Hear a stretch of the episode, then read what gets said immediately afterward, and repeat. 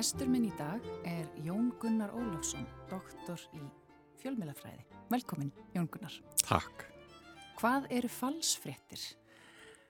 Já, uh, þetta er gerðnan skilgreynd eitthvað sem er beinlýnis uh, ránt eða misvísandi uh, og maður geti jafnvel sagt bara bull um, og þá heyrir maður oft, já en ég menna þetta hefur alltaf verið til. Það, fólk hefur alltaf verið að, að ljúa og dreif einhverjum ósanindum og, og þar fram eftir göttunum. Uh, þannig að af hverju erum við svona mikið að tala um þetta í dag? Um, og þetta er mjög áhugaverð umræða og mjög mikilvæg en það sem hefur breyst í dag er þetta nýja tækni umhverfi sem við búum í. Þannig að upplýsingar eru fatnar að dreifast með allt öðrum hætti en þar gerðu og uh, ég menna þegar ég er aðalast upp og þá mann maður eftir því að maður horfa sjónvarpið og hlusta á útvarpið og fréttir voru þá einhverju svona, þetta var réttstýrt efni þar sem að uh, bladamadur eða fréttamadur var búin að vinna sína heimildavinnu og, og, og, og þannig. En núna er þetta svoleiðis að við förum á netið og á samfélagsmiðla og þessi mörg á milliðis hvað er svona frétt og hvað er eitthvað sem búið að vinna svona og svo skoðun uh, og svo bara eitthvað bull að þetta er orðið svo óljóst. Uh, þannig að svona dreifingin á öllum þessum upplýsingum og bara magnið líka af upplýsingum er orðið svo mikið að þá er það miklu auðveldara að dreifa uh, rángfærslum eða misvísandi upplýsingum En, en mér finnst mjög áhugavert að þú spurði mér var þetta falsfréttir eh, að þetta er mjög umdelt hugtak um, sko ég er að mörguleiti alveg hrifin að því vegna þess að mér finnst það svona ágætlega lýsandi og fyrir svona leikumann sem er ekki inn í, inn í hérna, fræðunum að þá skilum maður alveg nokkurn veginn við hvað er á. Já, þetta er svona gegnsætt orð. Já. En það ertu nokkra tegundir af þessu. Já,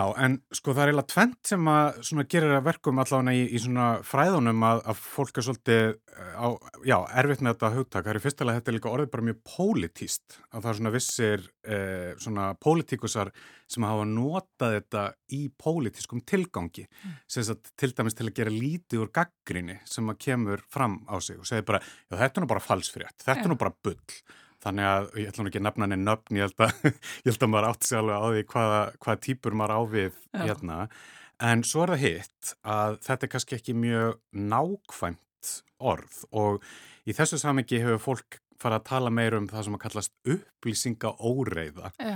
sem að mér finnst svolítið skemmtilegt orð líka uh, og það, það er sérst, uh, þýðing á enska orðinu information disorder og það skiptist á gjarnan í tvent. Það er annars vegar þegar það verið að dreifa vísvitandi raungum eða misísandi upplýsingum mm. og það er kannski það sem við höfum séð meira í fréttum í tengslum við þetta sem að kallast falsfréttir þá að það er verið að reyna að hafa áhrif á kostningaúslit eða eitthvað, eitthvað slíkt. Svona og, skýrasta formið kannski af falsfréttum, einmitt. Já, og var auðvitað mikið umræðin eftir Brexit og, og kostningarnar í bandaríkjunum 2016 en svo er hitt að það er svona sem að tengist þessu sem að ég var að ræða áðan með þetta nýja tæknum hverfi að fólk er óafvitandi að dreifa einhverjum ránkvæslum mm.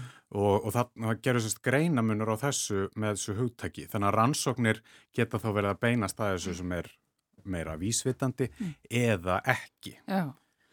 Og svo er kannski það þriðja það er þegar svona réttum upplýsingum er dreift í annarlegum tilgangi. Já, akkurat, Já. akkurat. Þannig að hérna ef það er verið að taka einhver einhverja enga tölvupósta eða eitthvað slíkt mm. og, og það er svo auðvelt að koma einhverju svoleiðis e, í dreifingu og kannski taka það úr samhengi og, og eitthvað slíkt. Já.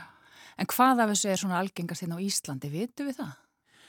Sko, stöttasværi er nei, við vitum það ekki, en við erum samt aðeins byrjuð að rannsaka e, dreifingu á svona upplýsingum hérna eða öllu heldur svona upplifun fólks af því. Mm. um, og ég var í fyrra til dæmis í vinnuhópi þar sem við vorum að skoða dreifingu á uh, raungum og misvísandi upplýsingum um COVID-19 sko í fyrstu bylginni sem að manni einhvern veginn orðin bara eitthvað sakfræði í dag svo langt síðan.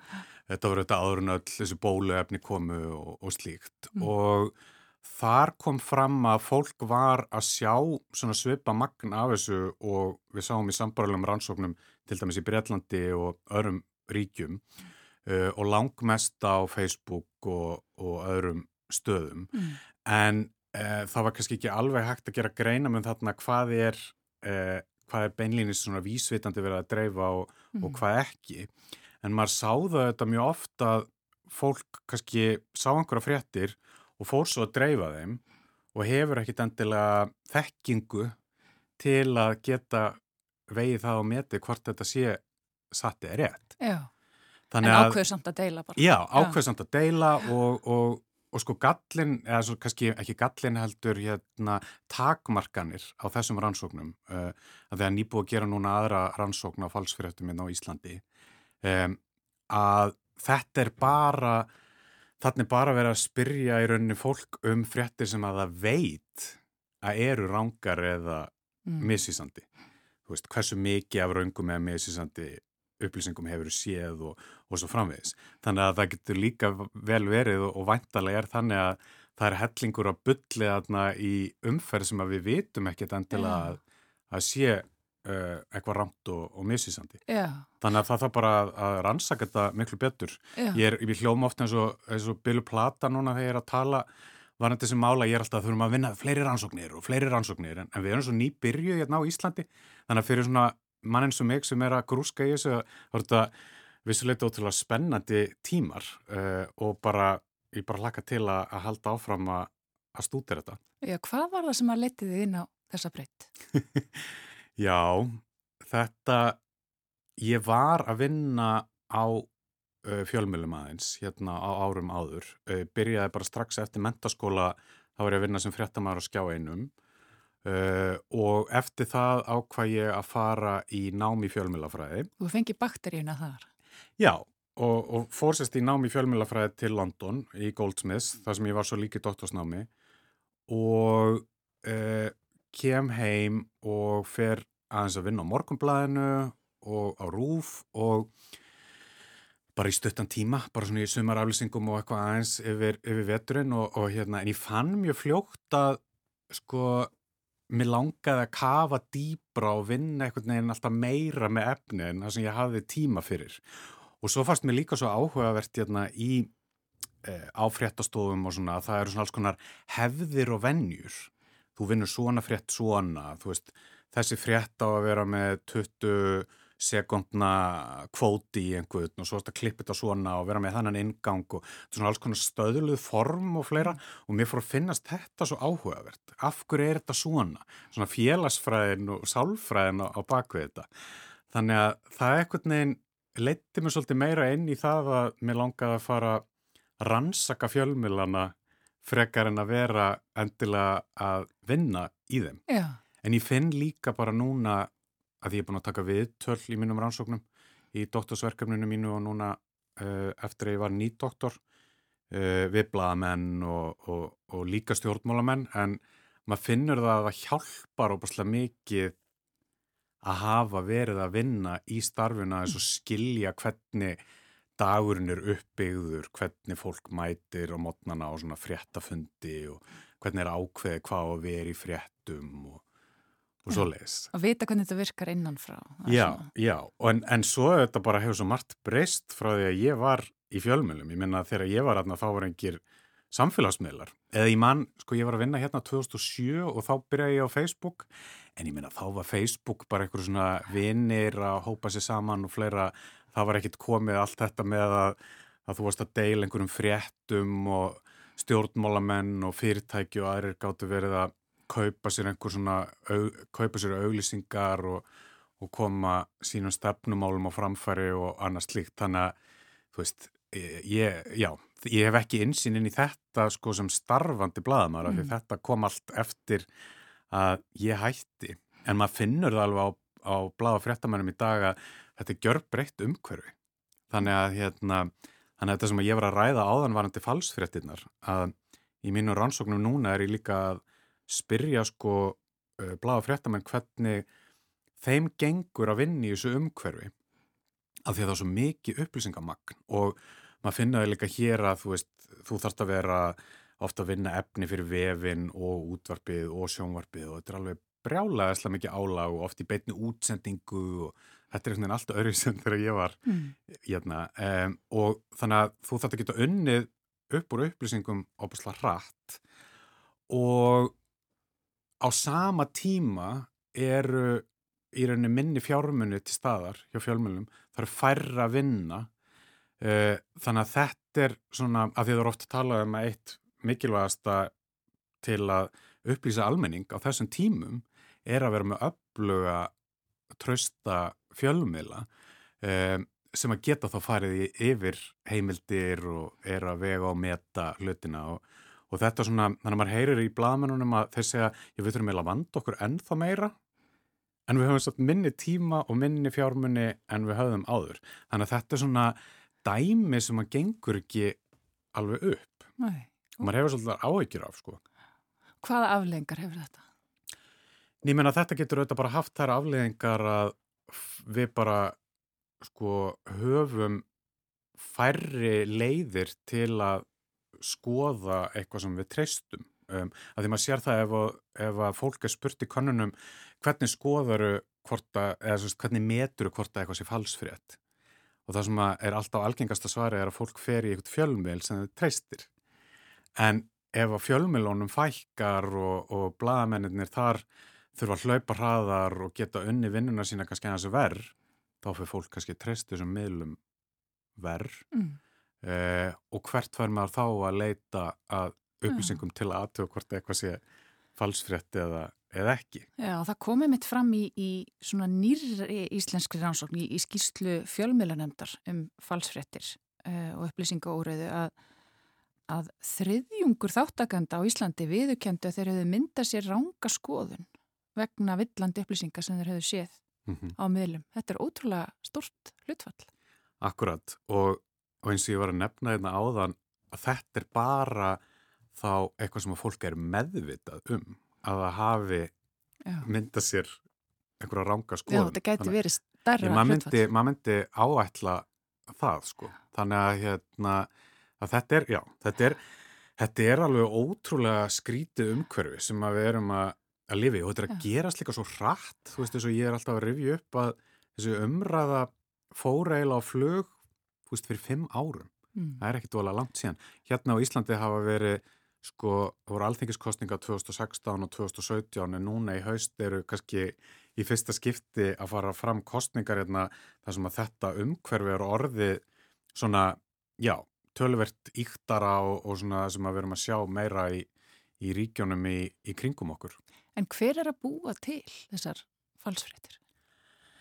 Já, það er góð spurning. Ég menna eins og ég nefndi áðan að það eru þetta eh, oft varandi þessar vísvitandi ránkvæslur að það er oft bara einhverjir aðilar sem að uh, hafa hagsmun að gæta uh, og þetta getur þó verið bara einhverjir erlend, einhver erlend ríki eða einhverjir valdameklir aðilar og við oft vitum þetta heldur ekkert mm. um, en, en svo, eins og ég segi, svo er þetta líka bara mjög oft eitthvað sem að fólk er ekkit endala meðvita um að séu, séu falsfrettir og er bara mjög erfitt að að vega og að meta. Svo femma líka bara heimsbyggilegar umræður um sko hvað er satt og rétt og, og, hérna, og eitt sem er mjög erfitt til dæmis sem COVID-19 faraldri er að til dæmis til að byrja með þá vissum við svo lítið um þetta. Uh, og mjög mjög áhugavert að fylgjast með fréttum núna því að í fyrra þá var verið að tala um einn helsta falsfréttin sem var í umræðinni væri að veiran hefði verið búin til á tilraunastofu En svo núna allt í hennu er komið í ljós að mögulega þarf að rannsaka það betur og það getur bara vel verið að það sé þannig. Já, menna, fyrst var þetta flokka sem falsfrétt en já. núna er verið að skoða þetta. Og ég, menna, ég hef engar fórsendur til, til að vega og meta þetta. Mm. Uh, og, og en í gegnum faraldurinn var kannski falsfréttina fólustóltið í að það var verið að fullir það glannalega. Já, algjörlega. Á þess að veri byggt á vísindalegum staðarendum. Já, akkurat, akkurat og hérna og líka bara þú veist það komið þarna inn það var svo miklir hagsmunir í gangi Já. oft líka bara varðandi þú veist það verið að taka ákvörunum bara að loka heilum samfélögum og þá er þetta eru alls konar hagsmuna aðilar og fleira sem að, Mm. fleiri uh, einstaklingar sem að bara, já, bara er að fara að tapa fjármunum og öðru og, og þannig að þú veist, bara svona til að svara spurningunni var þetta hverju er að búta til, að, að maður sér ofta dreifingin tengist í að þarna er einhverjar aðilar sem að þetta skiptir máli að einhverja tilteknar upplýsingar Já. komi fram. Og það hefur líka komið fram að stundum uh, er þetta gert mjög markvist. Að það er jáfnvel starfsfólk í þessum dreifingum. Þá er ég að vísa til frétta af uh, slíkum miðstöðum, til dæmis í, í Rúsland er talað um, þó Mhm. maður vitið það ekki alveg, það geti jáfnvel verið falsfrétt líka. Mm -hmm. Uh, Akkurat, akkurat. hvernig er þetta? Hvernig virkar þetta? Já, sko, mér finnst líka bara í þessu samengi af því að eins og þú veist að nefna að maður að svo erfitt fyrir mig að okkur að vega og að meta að, að eitt sem að ég hef áhyggjur af er líka bara að sko fjölmilar hafa ekkit endilega eh, mikið tækifæri eða tíma eða fjármunni til að vera að kafa sjálfur onni það að kanna nákvæmlega þú veist, hvað er, býr, býr þarna baki. Þú veist, hvað er nákvæmlega í gangi? Uh, og svo ertu með bara mjög valdamikla aðila ríki og fleiri sem að eru sífælt að dreifa þá einhverjum narratífum sem að bara er mjög erfitt fyrir mann að vega og meta nákvæmlega hvaðan koma þannig að við bara eilur, þurfum að rannsaka þetta betur. Já, Já eða ég vil stórfyrirtæki Já. sem að gera þetta í krafti auðsýns og hagsmuna. Akkurat, akkurat, akkurat. Um, er hægt að hafa áhrif á þetta? Er hægt að, að, að draga úr magni falsfrétta eða snýst þetta meira um að gera fólk læsara með þetta? Mm Sko ég held um þetta að, að hérna, maður heyrir oft þegar í þessar umræði þá bara svona, já, við erum að passa okkur að fara ekki að, vera með eitthvað rítskoðun og hérna, þannig að í svona líðræði samfélagum erum við, erum við nú ekki mikið að tala um það. En við sjáum vandamálinn sem að Facebook og Twitter og þessir, þessi fyrirtæki, þau eru mjög miklu vandraði með einhvern veginn hvernig þú býr til ennan ramma. Þú veist hvað, en það eru auðvitað bara notendaskilmólar og, og þetta eru enga fyrirtæki. En uh, sko ég held að í umræðinu þá tölum oft um að við þurfum öfluga fjölmila ég held að eins og ég var að nefna á þann það er að fólk fer fyrst til til að aðtuga hvort eitthvað sé satt og rétt. Uh, og þetta líka við um bladamenn sem eru til dæmis að vinna erlendafréttir, þú veist, þeir fara þó ofta á svona erlendamiðla sem þeir treysta en svo er það líka bara að við þurfum að læra betur á þessa miðla og hugsa áður en við deilum og, og fleira. Og við sjáum sem betur fyrir að fólki er að læra betur á þetta. Já. rannsóknir sína það og, og hérna, mér mér fyndi að hérna, maður lærir oft því nú er ég búin að vera að kenna í mörg ár en ég lærir oft rosalega mikið af nefndum mínum sem er mér svo skemmtilegt í kennslu. Og við vorum að tala um þetta fyrir nokkur árum út í London þar sem ég var að kenna og maður með nefndur frá Brasilíu og Suðu Kóri og Ástralíu og bara út um allt. Og þau sögðu einhvern veginn öll að sama. Þetta var sko 2016 eða 17 bara já, þetta er miklu meira svona eldri ættingjar og fleiri sem að kunni ekki alveg á þetta og eru ofta að deila einhverju. Þannig að ég er svona að kenna þeim og fara yfir þetta og, og fleira. Og, og rannsóknir hafa mitt oft sínt það að, að eldri uh, eldra fólk hefur oft erfitt með að fóta sig í þessum nýja veruleika en mér finnst það líka bara mjög eðlilegt vegna þess að þetta eru kynnslóður sem eru að alast upp á tímum þar sem að eru þessi rittstýrðu miðlar. Þannig að jújú, jú, þá eru flokksblöð og, og hérna svona mismunandi skoðanir í gangi og slíkt en það var kannski ekki verið að mikið um fréttir sem voru bara svona uppspunni alveg frá rótum. Mm. Þannig að hérna, þannig að ég held að þetta sé svona blanda af því að við þurfum öfluga fjölmila og þá líka skiptir máli að almenningu sé tilbúin að borga eins fyrir það. Að þú veist þetta var hérna árum áður og þá var maður áskrifandur að blöðum og fleira veist, fjölmilar eru ekki ókipis en það er orðið svolítið þannig að, að hérna, maður getur bara nálgast svo mikið ókipis fréttum. Mm. og þær ganga svo mikið út af það að, að þú smellir og þar koma auðlýsingarnir inn og þar oft verður svona, ég rannsóknir hafa sínt það að það er mjög oft á þessum miðlum þar sem einhver svona rángfæslur eiga oft auðveldara með að fara í dreifingu. Já. Það komið mitt fram í þessari uh, nýju rannsókn uh, eða skýslu fjölmjölanemdar að þetta væri aðeins aldurstengt eins og þú segir. Þetta eru eldstu og yngstu aldursópanir sem eiga erfiðast með að greina falsfrettir mm -hmm. og upplýsinga óreiðu. Sérst yfir 60 og svo 15 til 17 ára. Einmitt. Ég, þetta sko, þetta kom mér ekki kannski beint og óvart en þetta er eitthvað svona sem að þú veist það kannski annað með eldra fólki af því þau eru auðvitað ekki lengur í skóla og slíkt en þetta er kannski eitthvað sem að það þurft að taka betur fyrir í, í skólakerfinu hérna og mér finnst þetta ótrúlega áhuga að vera niðurstöður sem að um, ég, já, ég held að bara þurft að ræða betur við þetta foreldra og hérna um, kennara og, og hérna, já, svona já. mentastofnanir. Já, að gera þau læsari á já, þetta. Já, já, já, akkurat. Og að því sérstaklega líka þessi hópur, eins og kemur fram í þessari könnun, þau eru fyrst og fremst að fá fréttir í gegnum samfélagsmiðla og á netinu. Já. Þar sem að alla rannsóknir sína að mesta bulli er í dreifingu. Já, þau neyta síður þessar hefðbunni fjölmjöla eins og við kallum. Já, já, og ég mitt, sko, svo ég tala aftur um nefndum mín út í London, að ég man að við vorum að tala um þetta og, ég var að ræða þá að fjölmjölar er ekki ókipis, þú veist, það kostar, ég menna, bladamenn þurfa að fá laun, mm. þannig ég spurði þau, er, er einhver hérna áskrifandi að einhvernum fjölmjöli? Og enginn þeirra var, var áskrifandi og svo spurði ég í framaldi, en hver hérna er að borga fyrir Netflix? Og þá réttuðu öllu pönd. Já. Og mér fannst þetta svolítið sláandi og maður veldi svona fyrir sér að þetta er svona kynsla sem er að alast upp við bara ofgnótt upplýsinga og að þetta sé bara ókipis.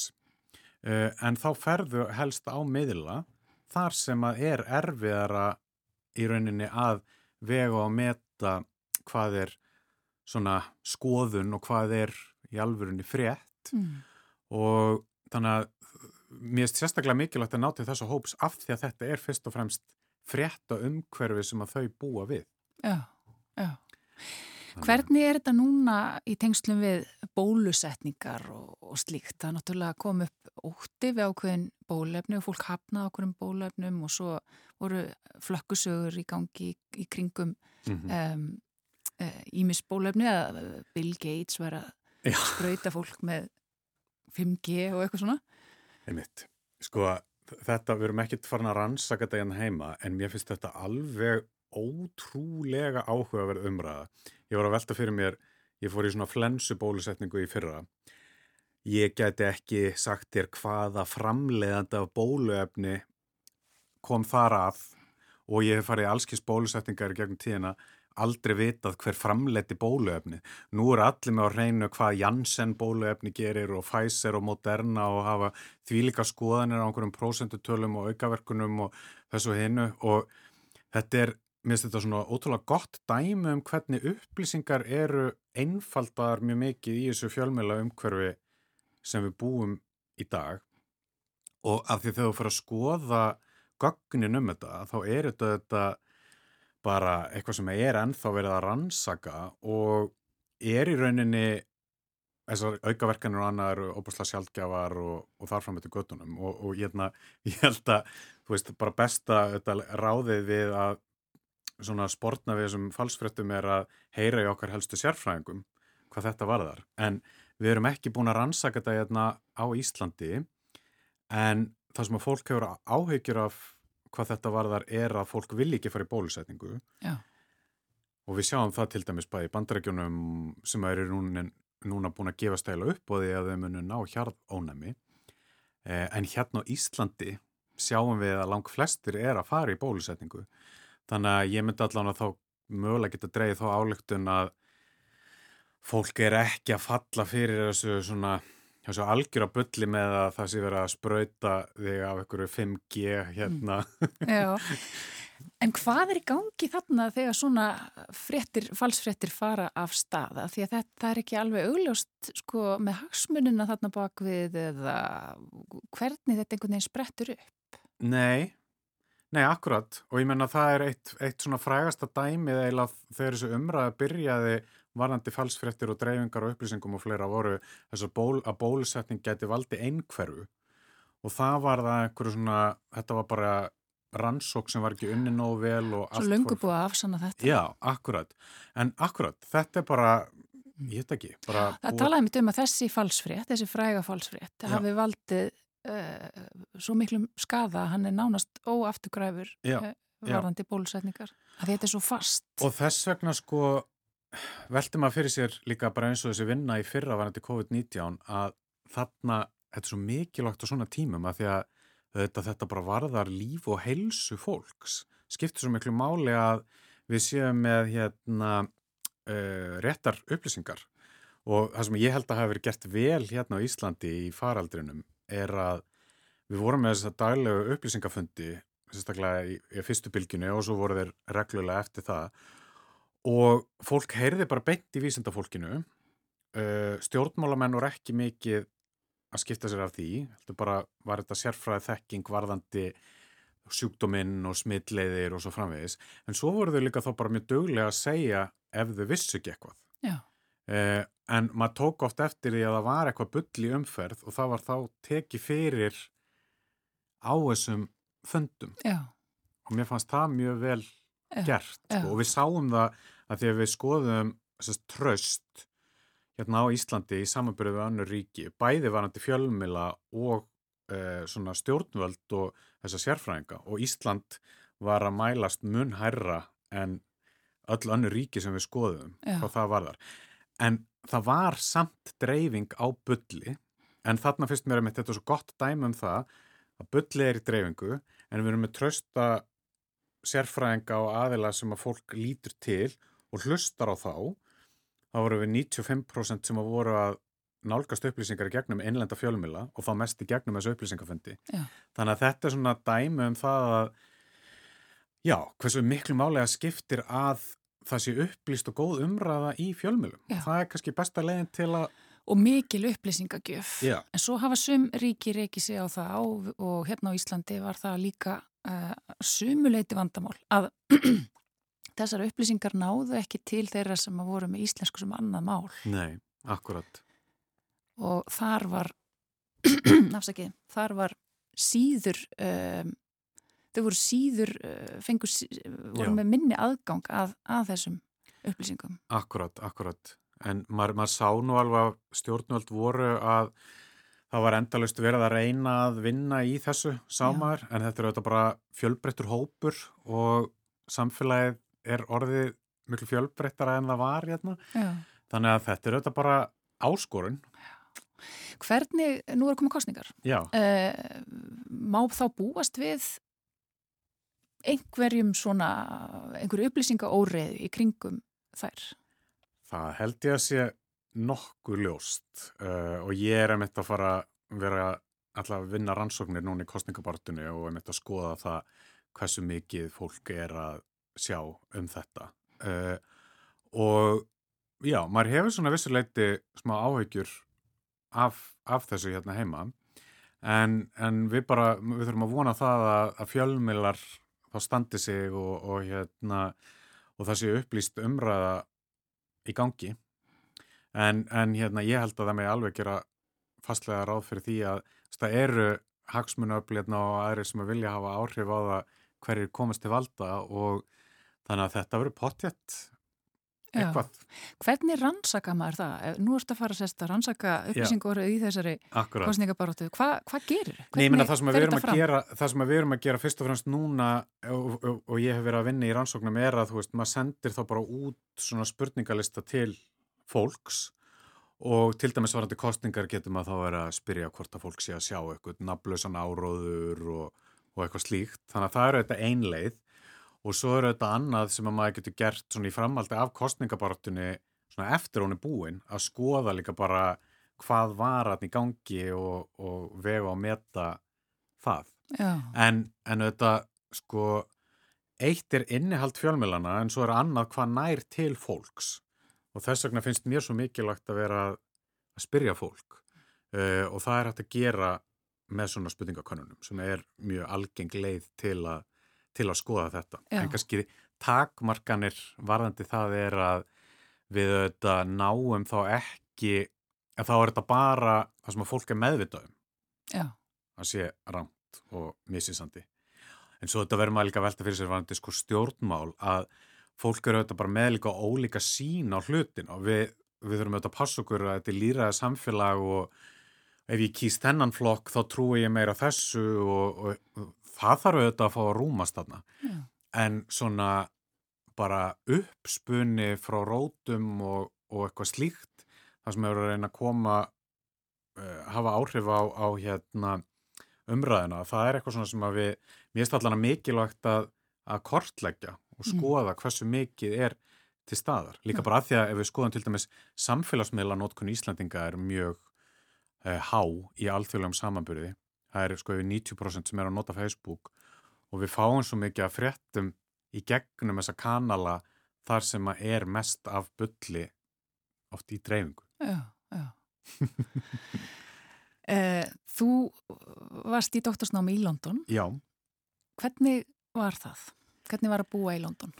Sko ég nefnilega þegar ég er hérna, ég ólst upp sérstaklega í Mosesbæ uh, en svo fluttu við til Englands þegar ég var tí ára uh, til Yorkshire og ég bjóð þar sem krakki í tvö ár uh, og mér fannst það mjög erfitt að því maður fór hérna út og ég kunni ekki tungumálið og, og hérna en mamma var að reyfið upp um daginn að mér skilst að ég hafi, að mér hefur alveg alltaf fundist gaman að tala og vera svona svolítið stjórna hlutunum og, og var þannig sem barn, en svo fór ég alltaf út og ég veist bara þagði í, í nokkra vikur að ég kunni ekki tungumálið og ég var, vildi ekki segja eitthvað vittlaust og ég vildi vanda mig og, og, og þannig og svo bara byrjaði ég að tala og þá var ég vist bara búin að ná Það voru þessu. og verið skrúa frá granna. Já, akkurat.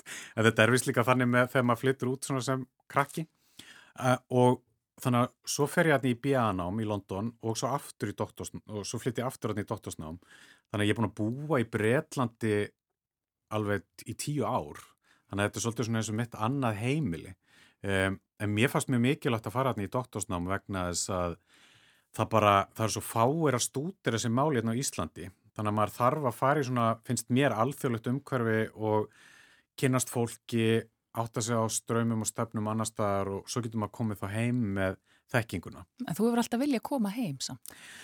Eh, sko já, allan að vera með annan fótinn hérna. Þú veist, ég var auðvitað búin að sjá fyrir mér, ég flutti hérna heim eða bara rétt fyrir COVID og ég var nú búin að sjá fyrir mér að vera svona með annan fótinn úti og vera, þú veist, ég er að vinna í alls konar alþjóðlegum rannsóknum og fleira og svo er ég bara búin að vera hérna heima í sko, hvað, tvö árnast í núna. Um, en mér finnst ótrúlega gefandi og gaman að búa í svona litlu samfélagi og geta miðla því sem að ég hef lært. Mm. Mér finnst það ótrúlega gefandi. Þetta er hljóma kannski pínu klísukent en, en þannig er það bara. Og ég, mér finnst mikilvægt að sem fræðumæður að maður reyna að miðla því sem að maður kann og, og svona, já, reyna að, að búa til nýja þekkingu. Og það er ótrúlega skemmtilegt í svona litlu samfélagi. Maður getur komist mjög hratt áfram með það fljótt. En það er náttúrulega uh, allt öðruvísi svona stjórnmála ástand og öðruvísi upplýsinga og reyða í Bretland heldur en, heldur en hér. Hvernig er þetta að bera þetta saman? Sko, nei, ég held, að, ég held að það sé, en, en, en það sem er líka svo gaman að vera út í London er að maður er svo alþjóðlega umhverfi.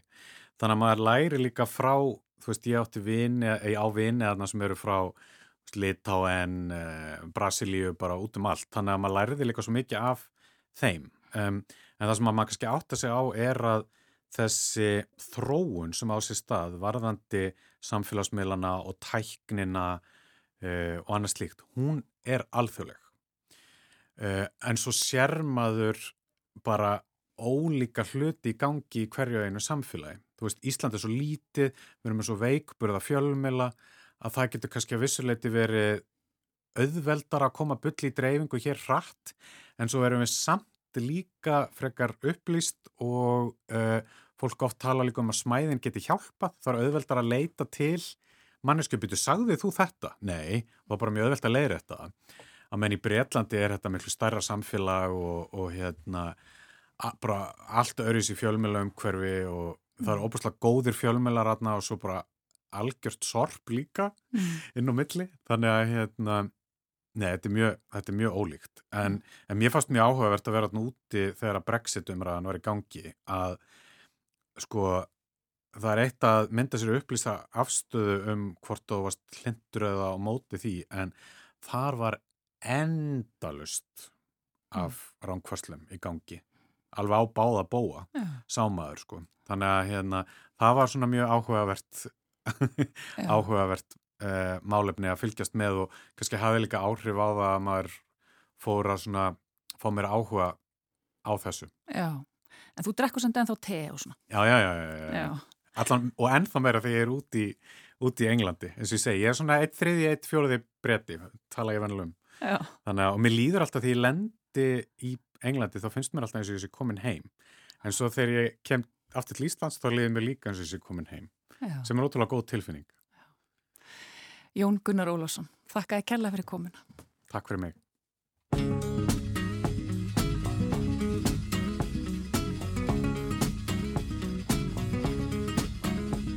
Jolene,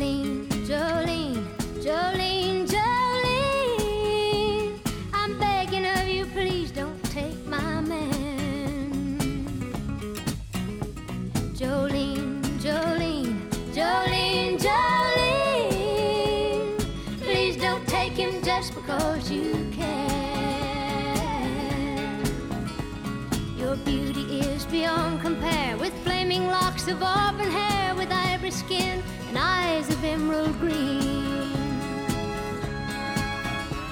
Your smile is like a breath of spring, your voice is soft like summer rain, and I cannot compete with you, Jolene. He talks about you in his sleep, and there's nothing I can do to keep from crying when he calls your name, Jolene.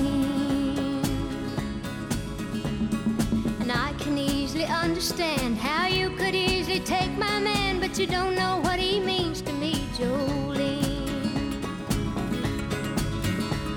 Jolene, Jolene, Jolene, Jolene. I'm begging of you, please don't take my man. Jolene, Jolene, Jolene, Jolene. Please don't take him just cause you.